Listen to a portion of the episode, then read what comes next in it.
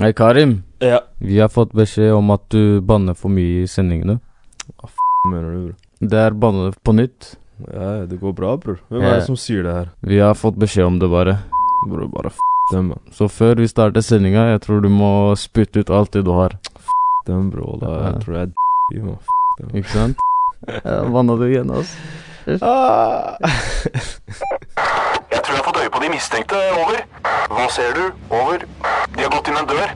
De slår på noe som ser ut som en eh, maskin. Nå går de bort til et høyt bord med noen svarte ting. Kan se ut som et våpen. Over. Vent, får videre instruks. Over. Nei, vent! Det kommer på en rød lampe. Over.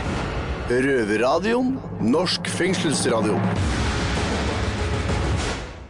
Vi sender deg fra Oslo fengsel. Mitt navn er Karim. Jeg står her sammen med Abbas og sammen med Kim. Hva Yes. skjer, gutta? Er alt bra, ass. Går det bra med livet deres? Yes, Ja. yes. Sjela deres? Soner. Alt bra. Ok, det er bra, gutta. Hva er det vi skal høre i dag? I dag vi skal høre fra, fra røverne i Bergen fengsel, som har fått besøk av Terjei Strøm, som er en uh, rocker og uh, trommis, så også, som også er en uh, Han spiller på trommer, ikke sant? han spiller på trommer, helt riktig. Ja, ferdig. Og så er han et avholdsmenneske også. Jeg trodde musikerne hadde heroin på Cherryosen. Bro, du finner ikke en uh, frisk blodåre på kroppen deres, bro. Ja, men ikke han her. Han er avholdsmenneske, som sagt. Men uh, hva annet skal vi gjøre i dag, gutta? Under korona så var det jævla kjedelig å sitte i fengsel. Og i, skje nei, i Sem fengsel så klikka det litt for noen, så det ble opprør. Mm. Hadde du vært med på opprøret, eller? Selvfølgelig. Gang. Gang shit.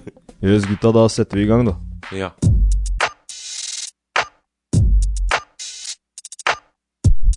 I løpet av den koronatiden her så hadde vi i Røverradioen en eh, livestream eh, på nettet.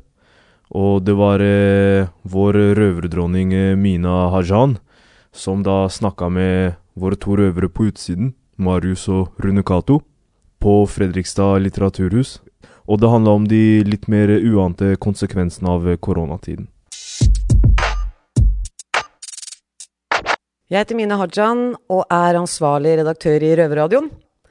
I dag skal vi snakke om noe som bekymrer oss mye, og det er nemlig påvirkningen koronasituasjonen har på utsatte barn og ungdom.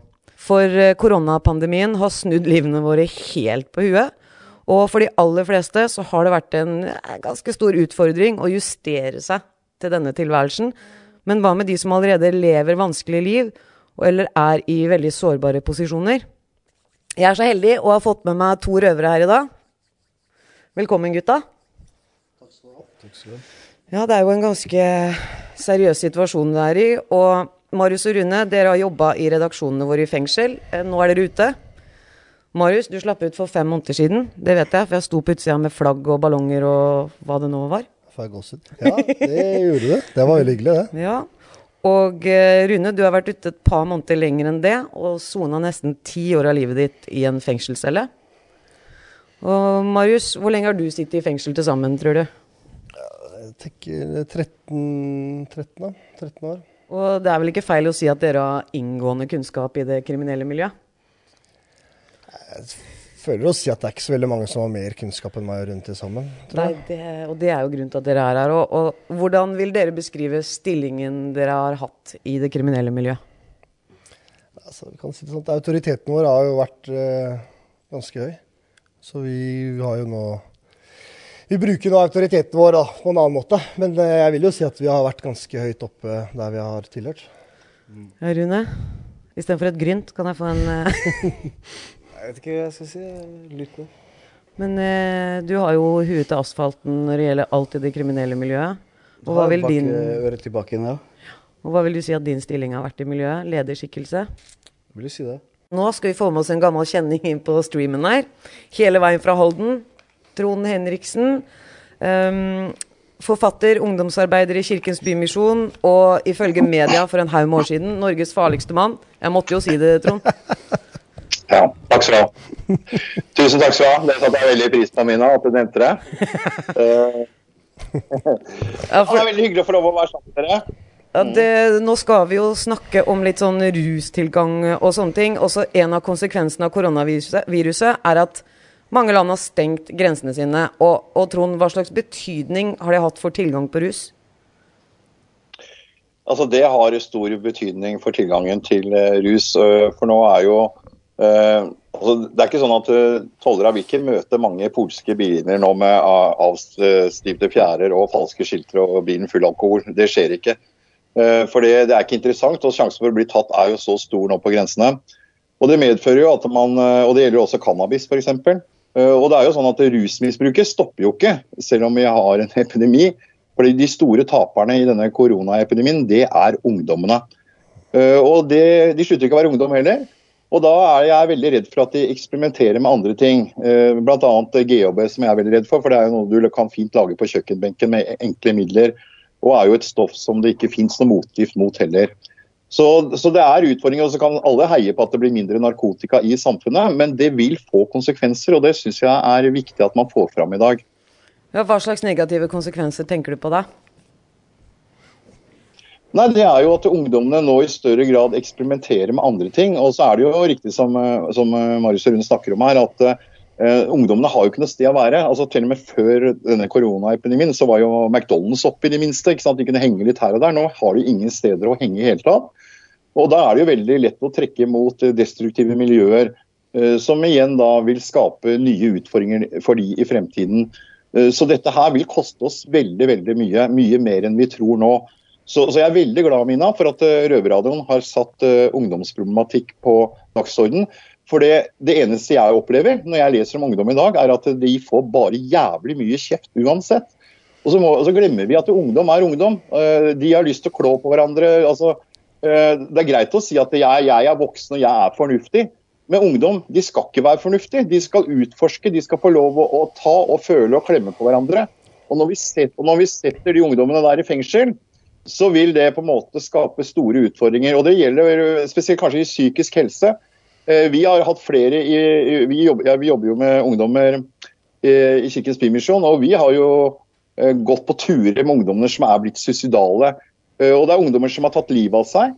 Eh, Det skrives det ikke mye om, så, så, så de store ofrene for denne epidemien her, det er ungdommene. Og vi må snakke mye mer om ungdommene. Vi må også kunne tilrettelegge mye mer for ungdommene. Og vi må være mye mer tålmodige eh, overfor ungdommene våre. Ja, hva tenker du, Rune? Hva slags konsekvenser ser du, ser du ut fra grensestenging og Nei, det, det jeg ser er jo at folk sitter, sitter og fremstiller egen cannabis hjemme i Norge. Og drive og selge det der eh, farlige greier når ungdommen sitter og røyker det. Så, eh, Ja, Men hvorfor er det farlig? For jeg tror folk flest eh, liksom- Hvorfor det er farlig? Det er jo livsfarlig. De driver og eksperimenterer og lager ting i kjellet. Og så kaller de det for hasj.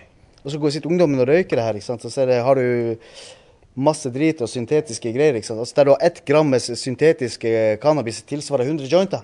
Og så har du bare noen som har sittet og miksa det her sammen og ikke vet hva det er for noe. Så sitter en ungdom og røyker, ikke sant? så røyker han kanskje 40 brukerdoser på en gang. Hva du tror som skjer med den stakkars psyken på den ungdommen? Det er som Trond sa, den psykiske biten når du, eh, du kommer til å få ungdom avhengig og skada eh, for livet. Ja, for de som har vært rusmisbrukere i 10-15 år, de vet hva som er dårlig dop og bra dop. Ja. Så de vet hva som, å skille fra det. Men en ungdom på 15-16-17 år, han er ikke vant til det. Han ser jo ikke det her. Han er ikke vant, han stoler på den han får det fra. Og så bare røyke på det, eller kjøre i seg, eller what's- whatsoever. De tenker seg ikke to ganger om. Men en som har vært i miljøet sant, i 10-15 år og sett ting hele tida, de vet. Ja, men de unge selger jo ofte eh, weed og cannabis. Eh, betyr det her at eh, de nå går over på å selge tyngre ting også? Ja. De som selger? Så klart, det sier seg sjøl. Hasjen er blitt femdobla, og amfetamin er fortsatt billigere enn alt annet. Så? Og amfetamin er blanda ut med hva, masse skumle ting. Eh, som gjør automatisk at det, på- Som eh, Trond sa, eh, rusmisbruket vil ikke stoppe. Det vil fortsatt være der. Ikke sant? Eh, så nå, når det som er billigst, er lettest tilgjengelig, så går vi dit. Men også Vaterland på Ja, Grønland ja. er liksom Norges største hasjmarked, da. Men, men nå er det ganske folketomt her. Så hva gjør dem som vanligvis står der for å tjene til livets opphold, Hva da? tror du? Selger bøff. Ja. Lurer Selger, hverandre. selger lurevarer som er blanda inn med noe Ja. dritt som får det til å se ut som hasj. Ungdom røyker det, blir dårlig syk, ikke sant? Hva tenker du. Trond? Ja, det er, det er helt riktig det gutta sier der. Og så er det én ting til jeg syns er veldig viktig vi skal snakke om. Eh, Det er jo at, nå, altså, at vi begynner å drikke mer. Eh. Jeg ser ungdom i dag eh, sant, som er drita fulle klokka seks på onsdagskveld. Ungdom som har gått på skole, som har gått på ungdomsklubb. Unge jenter på 16 år som raver rundt, eh, sitter fire i en bil, drita fulle. Og Vi må ikke glemme det rusmiddelet der, for det er det en av de farligste rusmidlene vi har, så er det faktisk alkoholen. Og den, og den ser jeg Jeg møtte her en god gammel knarkis her om dagen, så sier han Nei, jeg er ikke bare narkis, vet du, nå har jeg også blitt alkis. Så på en måte man øh, kombinerer det, og så blir det enda mer, øh, større forbruk av alkohol. Så vi kommer til å få en haug av nye alkoholikere i det landet her. Og det skal vi heller ikke undergrave. Så det er øh, Alkohol er det farligste stoffet. Med, med, med dette. Ja, ja. Ja, jeg syns at det er i hvert fall en av de aller, aller farligste, ja. jeg er selv fra en Eh, familie som, som alkohol har vært det største problemet. Og det starta med det. Eh, og jeg har alltid egentlig sagt at alkohol burde holdt seg på polet, og det burde vært mye strengere. Fordi det er faktisk eh, mest avhengende eh, enn noe annet. Eh, ikke sant? Folk drikker hele tiden. Og som vi snakka litt om i stad, tenk deg den, eh, det barnet som vokser opp nå med en far eller mor som da drakk kanskje bare fredag og lørdag. Ikke sant? Eh, mens nå er permittert, drikker nå hele uka. Eh, ikke sant? Begynner å Ta, bli ta, voldelig. ta, ta et eksempel. De flesteparten av dommene jeg har sittet inne for, har vært i alkoholpåvirka tilstand. Ja. For jeg blir sinnssyk når man drikker. Og jeg tror ikke det er bare jeg som blir det. Jeg tror det er veldig, veldig mange andre også blir det. Men altså, kidsa de røyker som regel cannabis. Det er i hvert fall sånn det generelt har, har, har sett ut. Men be, hva betyr det her, Trond? At nå som cannabisen er enten falsk eller ikke-eksisterende, hva, hva skjer da? Nei, det er som de gutta sier, de får i seg masse drit. Det er mye bøffing nå. altså Folk får jo ødelegge jo ryktet sitt for resten av livet, for folk blir desperate. Så de selger masse vræl som de blir sjuke av. Eh, De prøver andre rusmidler som er eh, mye sterkere. Eh, Deriblant alkohol. Det blir mye, kanskje mye vanligere for de å, å drikke alkohol. Og det som har vært litt interessant, da, for det borgerskapet som sitter der ute nå og sier ja, men de skal jo ikke bruke narkotika, det er jo kjempefint, da har de muligheten til å slutte. Hadde vi stengt polet i dette tida her, stengt alkoholen, da skulle du hørt på ramaskrik. Vet du hva, da hadde det vært helvete på jord. Så, så der kan de sitte med rødvinsglasset sitt og whiskyen hjemme og si nei, fader, ta de ungdommene. Og det er det som irriterer meg, at de blir så jævlig blinde på de utfordringene vi har. Fordi at det er helt naturlig. Vi skal ikke ha narkotika. Og selvfølgelig skal ungdommene helst ikke bruke verken alkohol eller narkotika. Det er jo et stort ønske, men virkeligheten er ikke sånn. Og Da blir jeg jævlig provosert da, når folk sitter hjemme nå og kritiserer ungdommene for at de utforsker ting som, eh, som de kan sitte hjemme og behage seg selv med i disse tider. Jeg har jo forhørt meg ganske kraftig om eh, alt som har med rus å gjøre, og, og ungdom. Og jeg har fått høre at det er flere land i Europa som sender opp amfetaminkokker til Norge, og står og koker og fikser det her hjemme hos deg. Det er sånn Ja, hei, jeg trenger amfetamin, jeg. Og så kommer det noen fra et annet land. Den består, altså en del av varen som, til å lage det er jo, er jo lovlig. Og så får de resten eh, som de får noen til å løpe over grensa gjennom skogen med. Og, og hva tenker dere om det? Da, da, ser du egentlig Ja, ja. bare én ting, hvor ehm, kyniske ikke sant? og hvor eh, den, den underverdenen er. Ikke sant? Fordi vi, de gjør alt for å kunne klare å lage penger. Ikke sant? Og få, få det til å ikke stoppe. Så vi, den drar det langt. Hva, hva er konsekvensen? den har jo samme prisen som bestandig har hatt. Den har, ikke- den- prisen har ikke gått opp eller ned i det hele tatt. Og, det det og, og enda, enda det har vært tørke og grensen har vært stengt, ikke sant? så det sier jo at det er stor tilgang uansett. Ja, det, er, det er helt sinnssykt. Og så sånn som du sa i stad, Trond. GHB er jo på full fart uh, opp på lista over det folk tar mest. Og eh, hvorfor er det så farlig? Ja, for det, for det første så finnes det ikke noe motgift mot uh, GHB, og det er så lite mengder som skal til før du går inn i koma. og Hvis man kombinerer med alkohol, så er det jo jævlig ute å kjøre. Og Dette er også et rusmiddel som har enda enklere ingredienser enn eh, enn amfetamin. Det er jo kun bare ett som er lisensbasert, og hvis du gjør et lite innbrudd på et bilverksted som renser felger, så har du jo på en måte fått tak i det viktigste og litt kaustiksoda der, så er på en måte den eh, formelen i gang. da. Og Det lager man mange steder rundt i, rundt i Norge nå. Uh, og, og, og det skremmer meg, for det, som sagt, det er det eneste rusmiddelet det ikke fins motgift mot. Jeg har selv mista mange venner eh, av overdose på GHB, eh, og jeg veit hvor farlig det er. Det er faktisk, eh, som Trond sier, det er, det, jeg tror faktisk nå det er noe av det verste som kan skje, egentlig. At folk driver med det her nå. eh, Under de tidene her. Det er jo sikkert mange som ser på, som har ungdommer hjemme og blir litt sånn småstressa nå. For de vet kanskje at det, Det er Kanskje ikke det er en utagerende ungdom, men altså en som kanskje har røyka litt grann, eller vært litt sånn på kanten.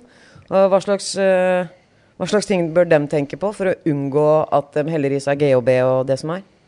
Altså, jeg tenker eh, Som en familie så burde man prøve å finne på ting sammen. ikke sant? Det er greit. Det har Se og bli sett. Ja, det har vært mye fokus på å gå i skogen og bla, bla, bla. ikke sant? Og det er mange av oss som ikke liker å gå i skogen. Jeg hater å gå i skogen. Jeg er fra gata, jeg er, og jeg er asfaltbarn. Og sånn er det bare. Jeg hater alt med friluft.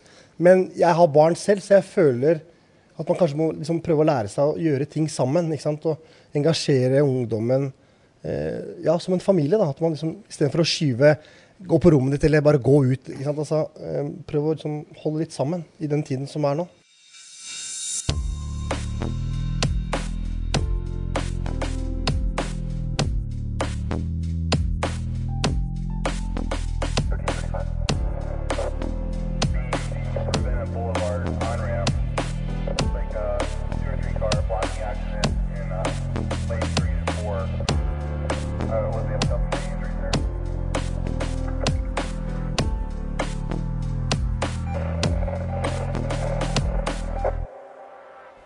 Det er nok ikke de eneste konsekvensene.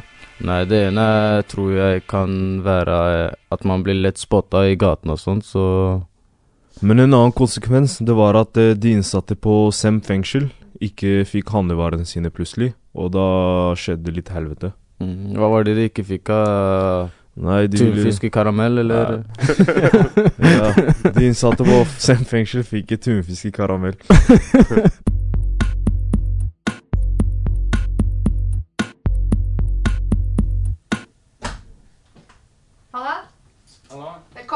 Røverradioen.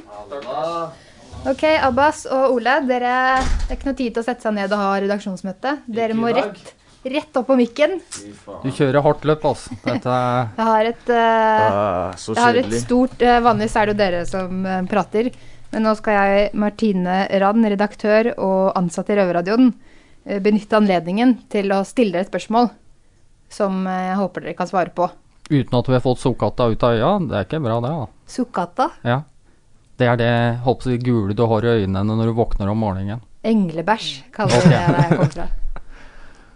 Ok, Ok. for det, det som har skjedd da, er at uh, for en liten mm, tid siden så var det en eh, liten gjeng med innsatte i Sem fengsel, eh, som er et sånt uh, lite høysikkerhetsfengsel som er i Tønsberg. Ca. 60 innsatte. Og disse mennene hadde da forskanset seg inne i fengselet, som det heter. Og, og det var fordi at de var misfornøyd med at de ikke kunne bestille den maten på handlinga som de trodde de skulle få bestille. Det er sånn jeg har forstått det. Så Rema 1000 var utsolgt, eller? At de hadde liksom, for dere har jo, eller Kan dere fortelle hvordan fungerer handling i fengsel? Ja, dere peker på hverandre. Hallo, hvor lenge har dere sittet her, nå? En, en stund, da. Ja, Ja. ja, mens vi ikke prater i munnen på hverandre. Det var mer sånn jeg tenkte, da. Vel, eh, enkelt forklart, da, så har vi en liste som gikk ut på dato i 1870.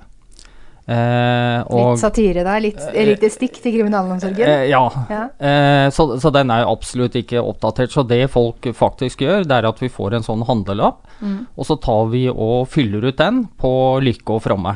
Og du setter opp ting som du har lyst på, og så håper du på at du skal få noe av det du har, har eh, bestilt, da. Ja. Men som regel så har du liksom 50% overstrykning og skriver enten har ikke eller er utsolgt. Okay. Som faktisk er helt vanlige varer på utsiden, da. Så du har på en måte en sånn Du lukker øynene, og så er du på en sånn imaginær handletur inni hodet ditt.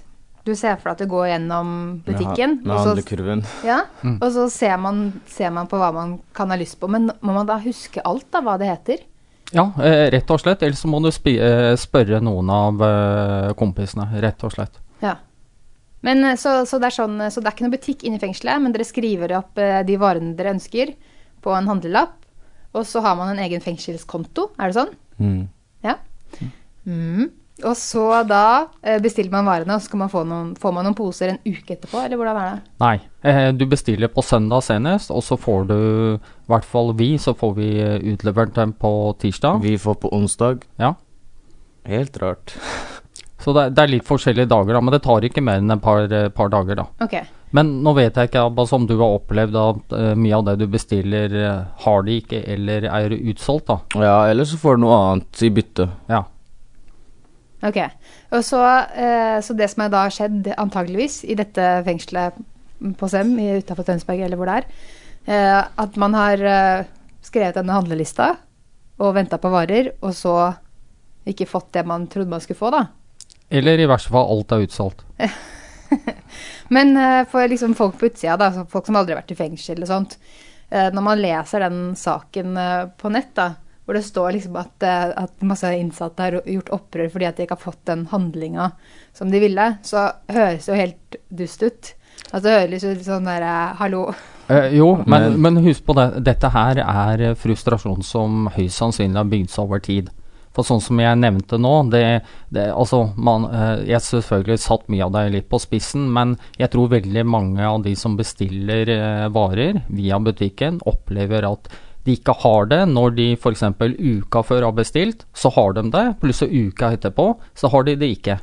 Enten det, eller så er det utsolgt, og så er det utsolgt gjerne i flere uker.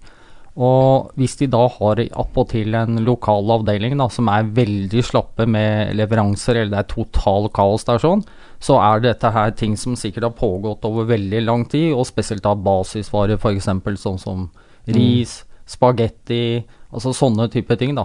For... Og da, og da tilter folk helt, rett og slett. Fordi, altså, i, bare for å forklare, da. I fengsel, en liten ting kan irritere såpass mye at du bryter ned en hel bygning, altså. Ja, fordi, kan ikke forklare litt av det? Fordi Mm. hvis jeg går på butikken, og jeg skal kjøpe meg ris, da, Mm. la oss si det, og så Ja. er det utsolgt for ris, så går ikke jeg, jeg legger meg ikke ned på gulvet og Nei, nei. Altså, altså, jeg tar det med Jeg tar det Ja, det var kjedelig, men Nei, nei, sånn nei, er det. nei. Yes. men men eh, la, la oss snu, snu litt på, på, på situasjonen, da. La oss at du går hver dag da en uke, og hver dag så er det det samme. Enten så er det utsolgt, eller så har det ikke. Hvordan vil du reagere da? Og så er det avhengig av den risen, for du skal fø familien din, ikke sant. Hva skjer da? Ja, Du har ikke noen familie som du skal få inn i fengselet? Nei, nei, men altså, det er som regel et matlag, vet du. Ja, ok. Ja, så, så hva, det er en hva, hva, hva er et matlag? matlag, dvs. Si det er en gruppe fanger som går sammen og spleiser på holdt på å si litt større ting, f.eks. kylling som de lager i en sånn eh, felles matlagingsgreie, da, eller ris og sånne type ting. Da. Spesielt da hvis det er dyre ting.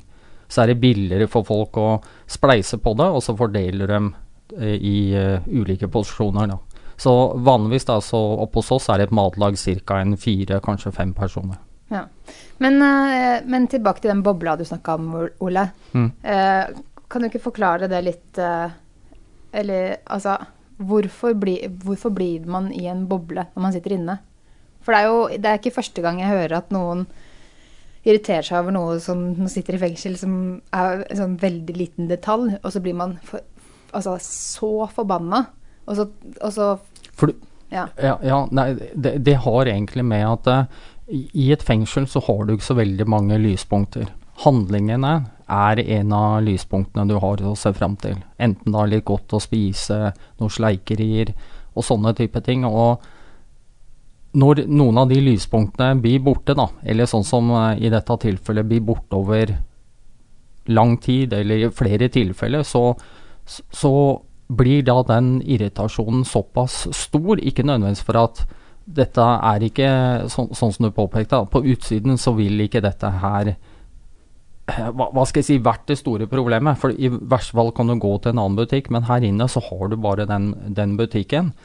Eh, og det er klart, hvis ikke de har det eller er utsolgt, det går over hele tiden, eh, altså over lang tid, så er dette et irritasjonsmoment som, irritasjonsmoment da, som gjør at folk ja, eksploderer, rett og slett. Altså.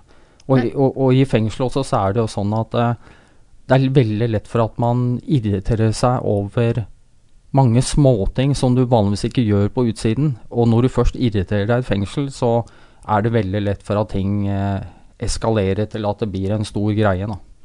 Hva tenker du, Abbas? Eh, Jeg støtter de, altså, fordi det er jo den ene Vent da, du støtter de som hadde den protesten? Ja, fordi fordi på en hel uke, det er jo det eneste du egentlig venter på, å få de tingene du har bestilt. Så hvis det er uh, det ene tingen som blir borte, da, som du har venta på, Selvfølgelig blir man irritert. Men er, det ikke, er, er det ikke Så du tenker Men du, du er en uh, ung- fyr. Ja. ja. Og du har ikke vært i fengsel så lenge. Nei. Men har du kjent på det som de kjenner på? Nei. Eller mest Jeg får jo det jeg bestiller, Du så får det du bestiller. Men Hver gang? Men tro- Nei, jeg får uh, bytta ut eh, noen varer noen ganger som ikke er helt riktig. Men så jeg må levere tilbake. Ja, Men tror du at du kunne endt opp med å gjøre det samme? Nei, nei, det hadde jeg ikke. Nei, hvorfor ikke det, da? Fordi jeg ser egentlig Hvis jeg har lang dom eller kort dom, så vil jeg først sone uh, normalt, da, uten å finne på noe. Så jeg, jeg hadde, kanskje jeg hadde blitt litt sur, men det hadde ikke vært sånn at jeg hadde gjort opprør, da.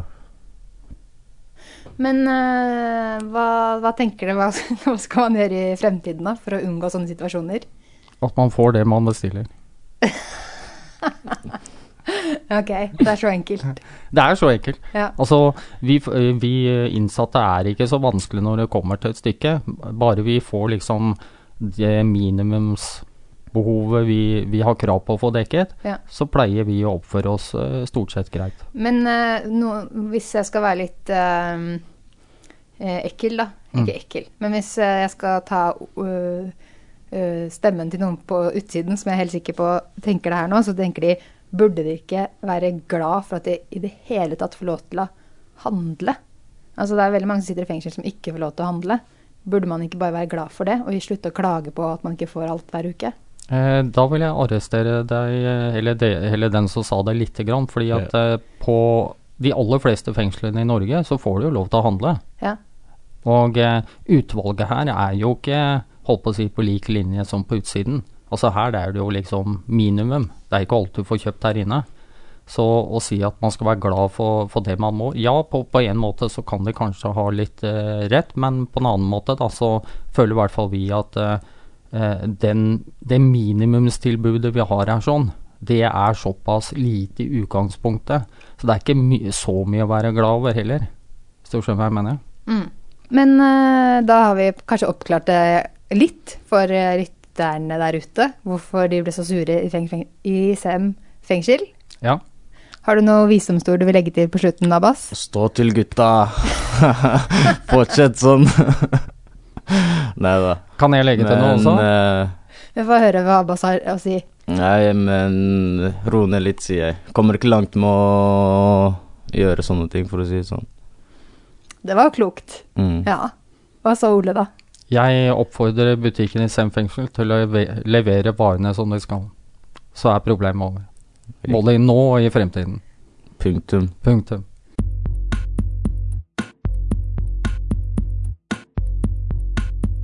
Gutta, nå har vi hørt eh, fra Sem fengsel, hvor eh, de har hatt et lite sånn eh, fangeopprør. Ja. Vi Ja. hadde jo sånt opprør her i Oslo fengsel også, der de slo seg vrang, da. Ja. Så Ja, de sperra jo seg inn i luftegården her i Oslo fengsel. Ja. Kom jo på VG og avisen og sånn. Syns dere at det var litt verre enn det som skjedde på Sem? Jeg tror det er Det er på samme greie. Det er jo til, slutt snakk om koronatiltak og sånt, så og, Ja. ja. Men eh, nå skal vi over til Bergen fengsel. Eh, og så har eh, faktisk Bergen fengsel eh, hatt eh, litt besøk og sånn. Er dere sjalu på det? Yes, selvfølgelig. Ja. Hvorfor kommer ikke Terje hit, da? Ja, men da bare sender vi dit. Trommer Ja. og alt. Yes. Yes.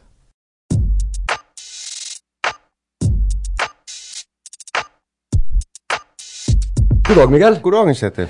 Ja, i Ja. dag har vi fått en gjest i studio. Ja, vi har det. Det er helt rått at han har tatt seg tid til å komme inn til oss. Ja, fantastisk. De påstår at han er en av Norges beste trommeslagere. Stemmer, Tarjei? Jeg er iallfall en av Norges trommiser. Det er jeg. Ja, en En av mange. Ja. Men i hvert fall, Tarjei Strøm, velkommen til oss. Takk skal du ha. Det er en stor ære å være her. Stor fan. Jeg jobber jo i NRK sjøl med radio, men Røverradioen det er jo eh, det er en Fantastisk. ære å Ja. få komme innom. altså. Ja, her er røvere på ordentlig. Jeg skjønner, dette, dette er stas. Du, jeg, Folk kan høre musikk i fengsel her og sånt? Eh, Kan dere, Ja da. Vi har et bibliotek. Til- Tilgang til det? Ja, ja. Vi har radio òg. Ja. ja, det har vi også. Så synger vi jo sjøl. Ja, ja, ja. Spennende. spennende. Eh, Vi må jo begynne litt om Tarjei Strøm. Ja. Hvem er denne mannen? Er han bare en trommis?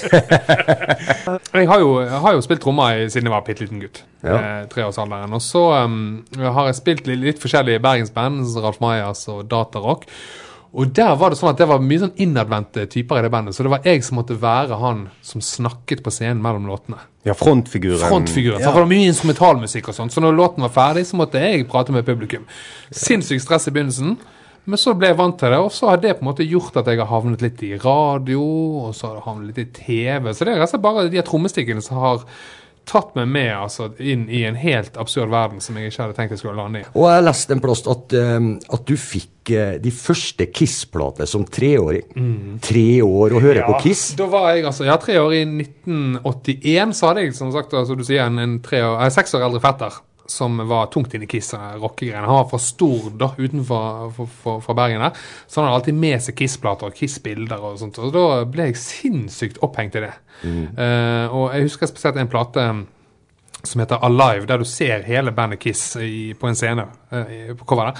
Og de er jo ganske imponerende å se på. Så Den kanskje minst imponerende er jo han som sitter bakerst på scenen som er trommis og har kattemaling på seg. Peter Chris. Peter Chris, riktig. Ja, ja. Men der, vet du, tre år gamle meg tenkte det er han jeg vil være. Så da satt jeg der og, og, og gikk i, i, um, på kjøkkenet til, til mor og far og begynte å spille på kasseroller og sånt. Og det var egentlig sånn det begynte, altså. Så uh, nå er jo jeg uh, far sjøl, da.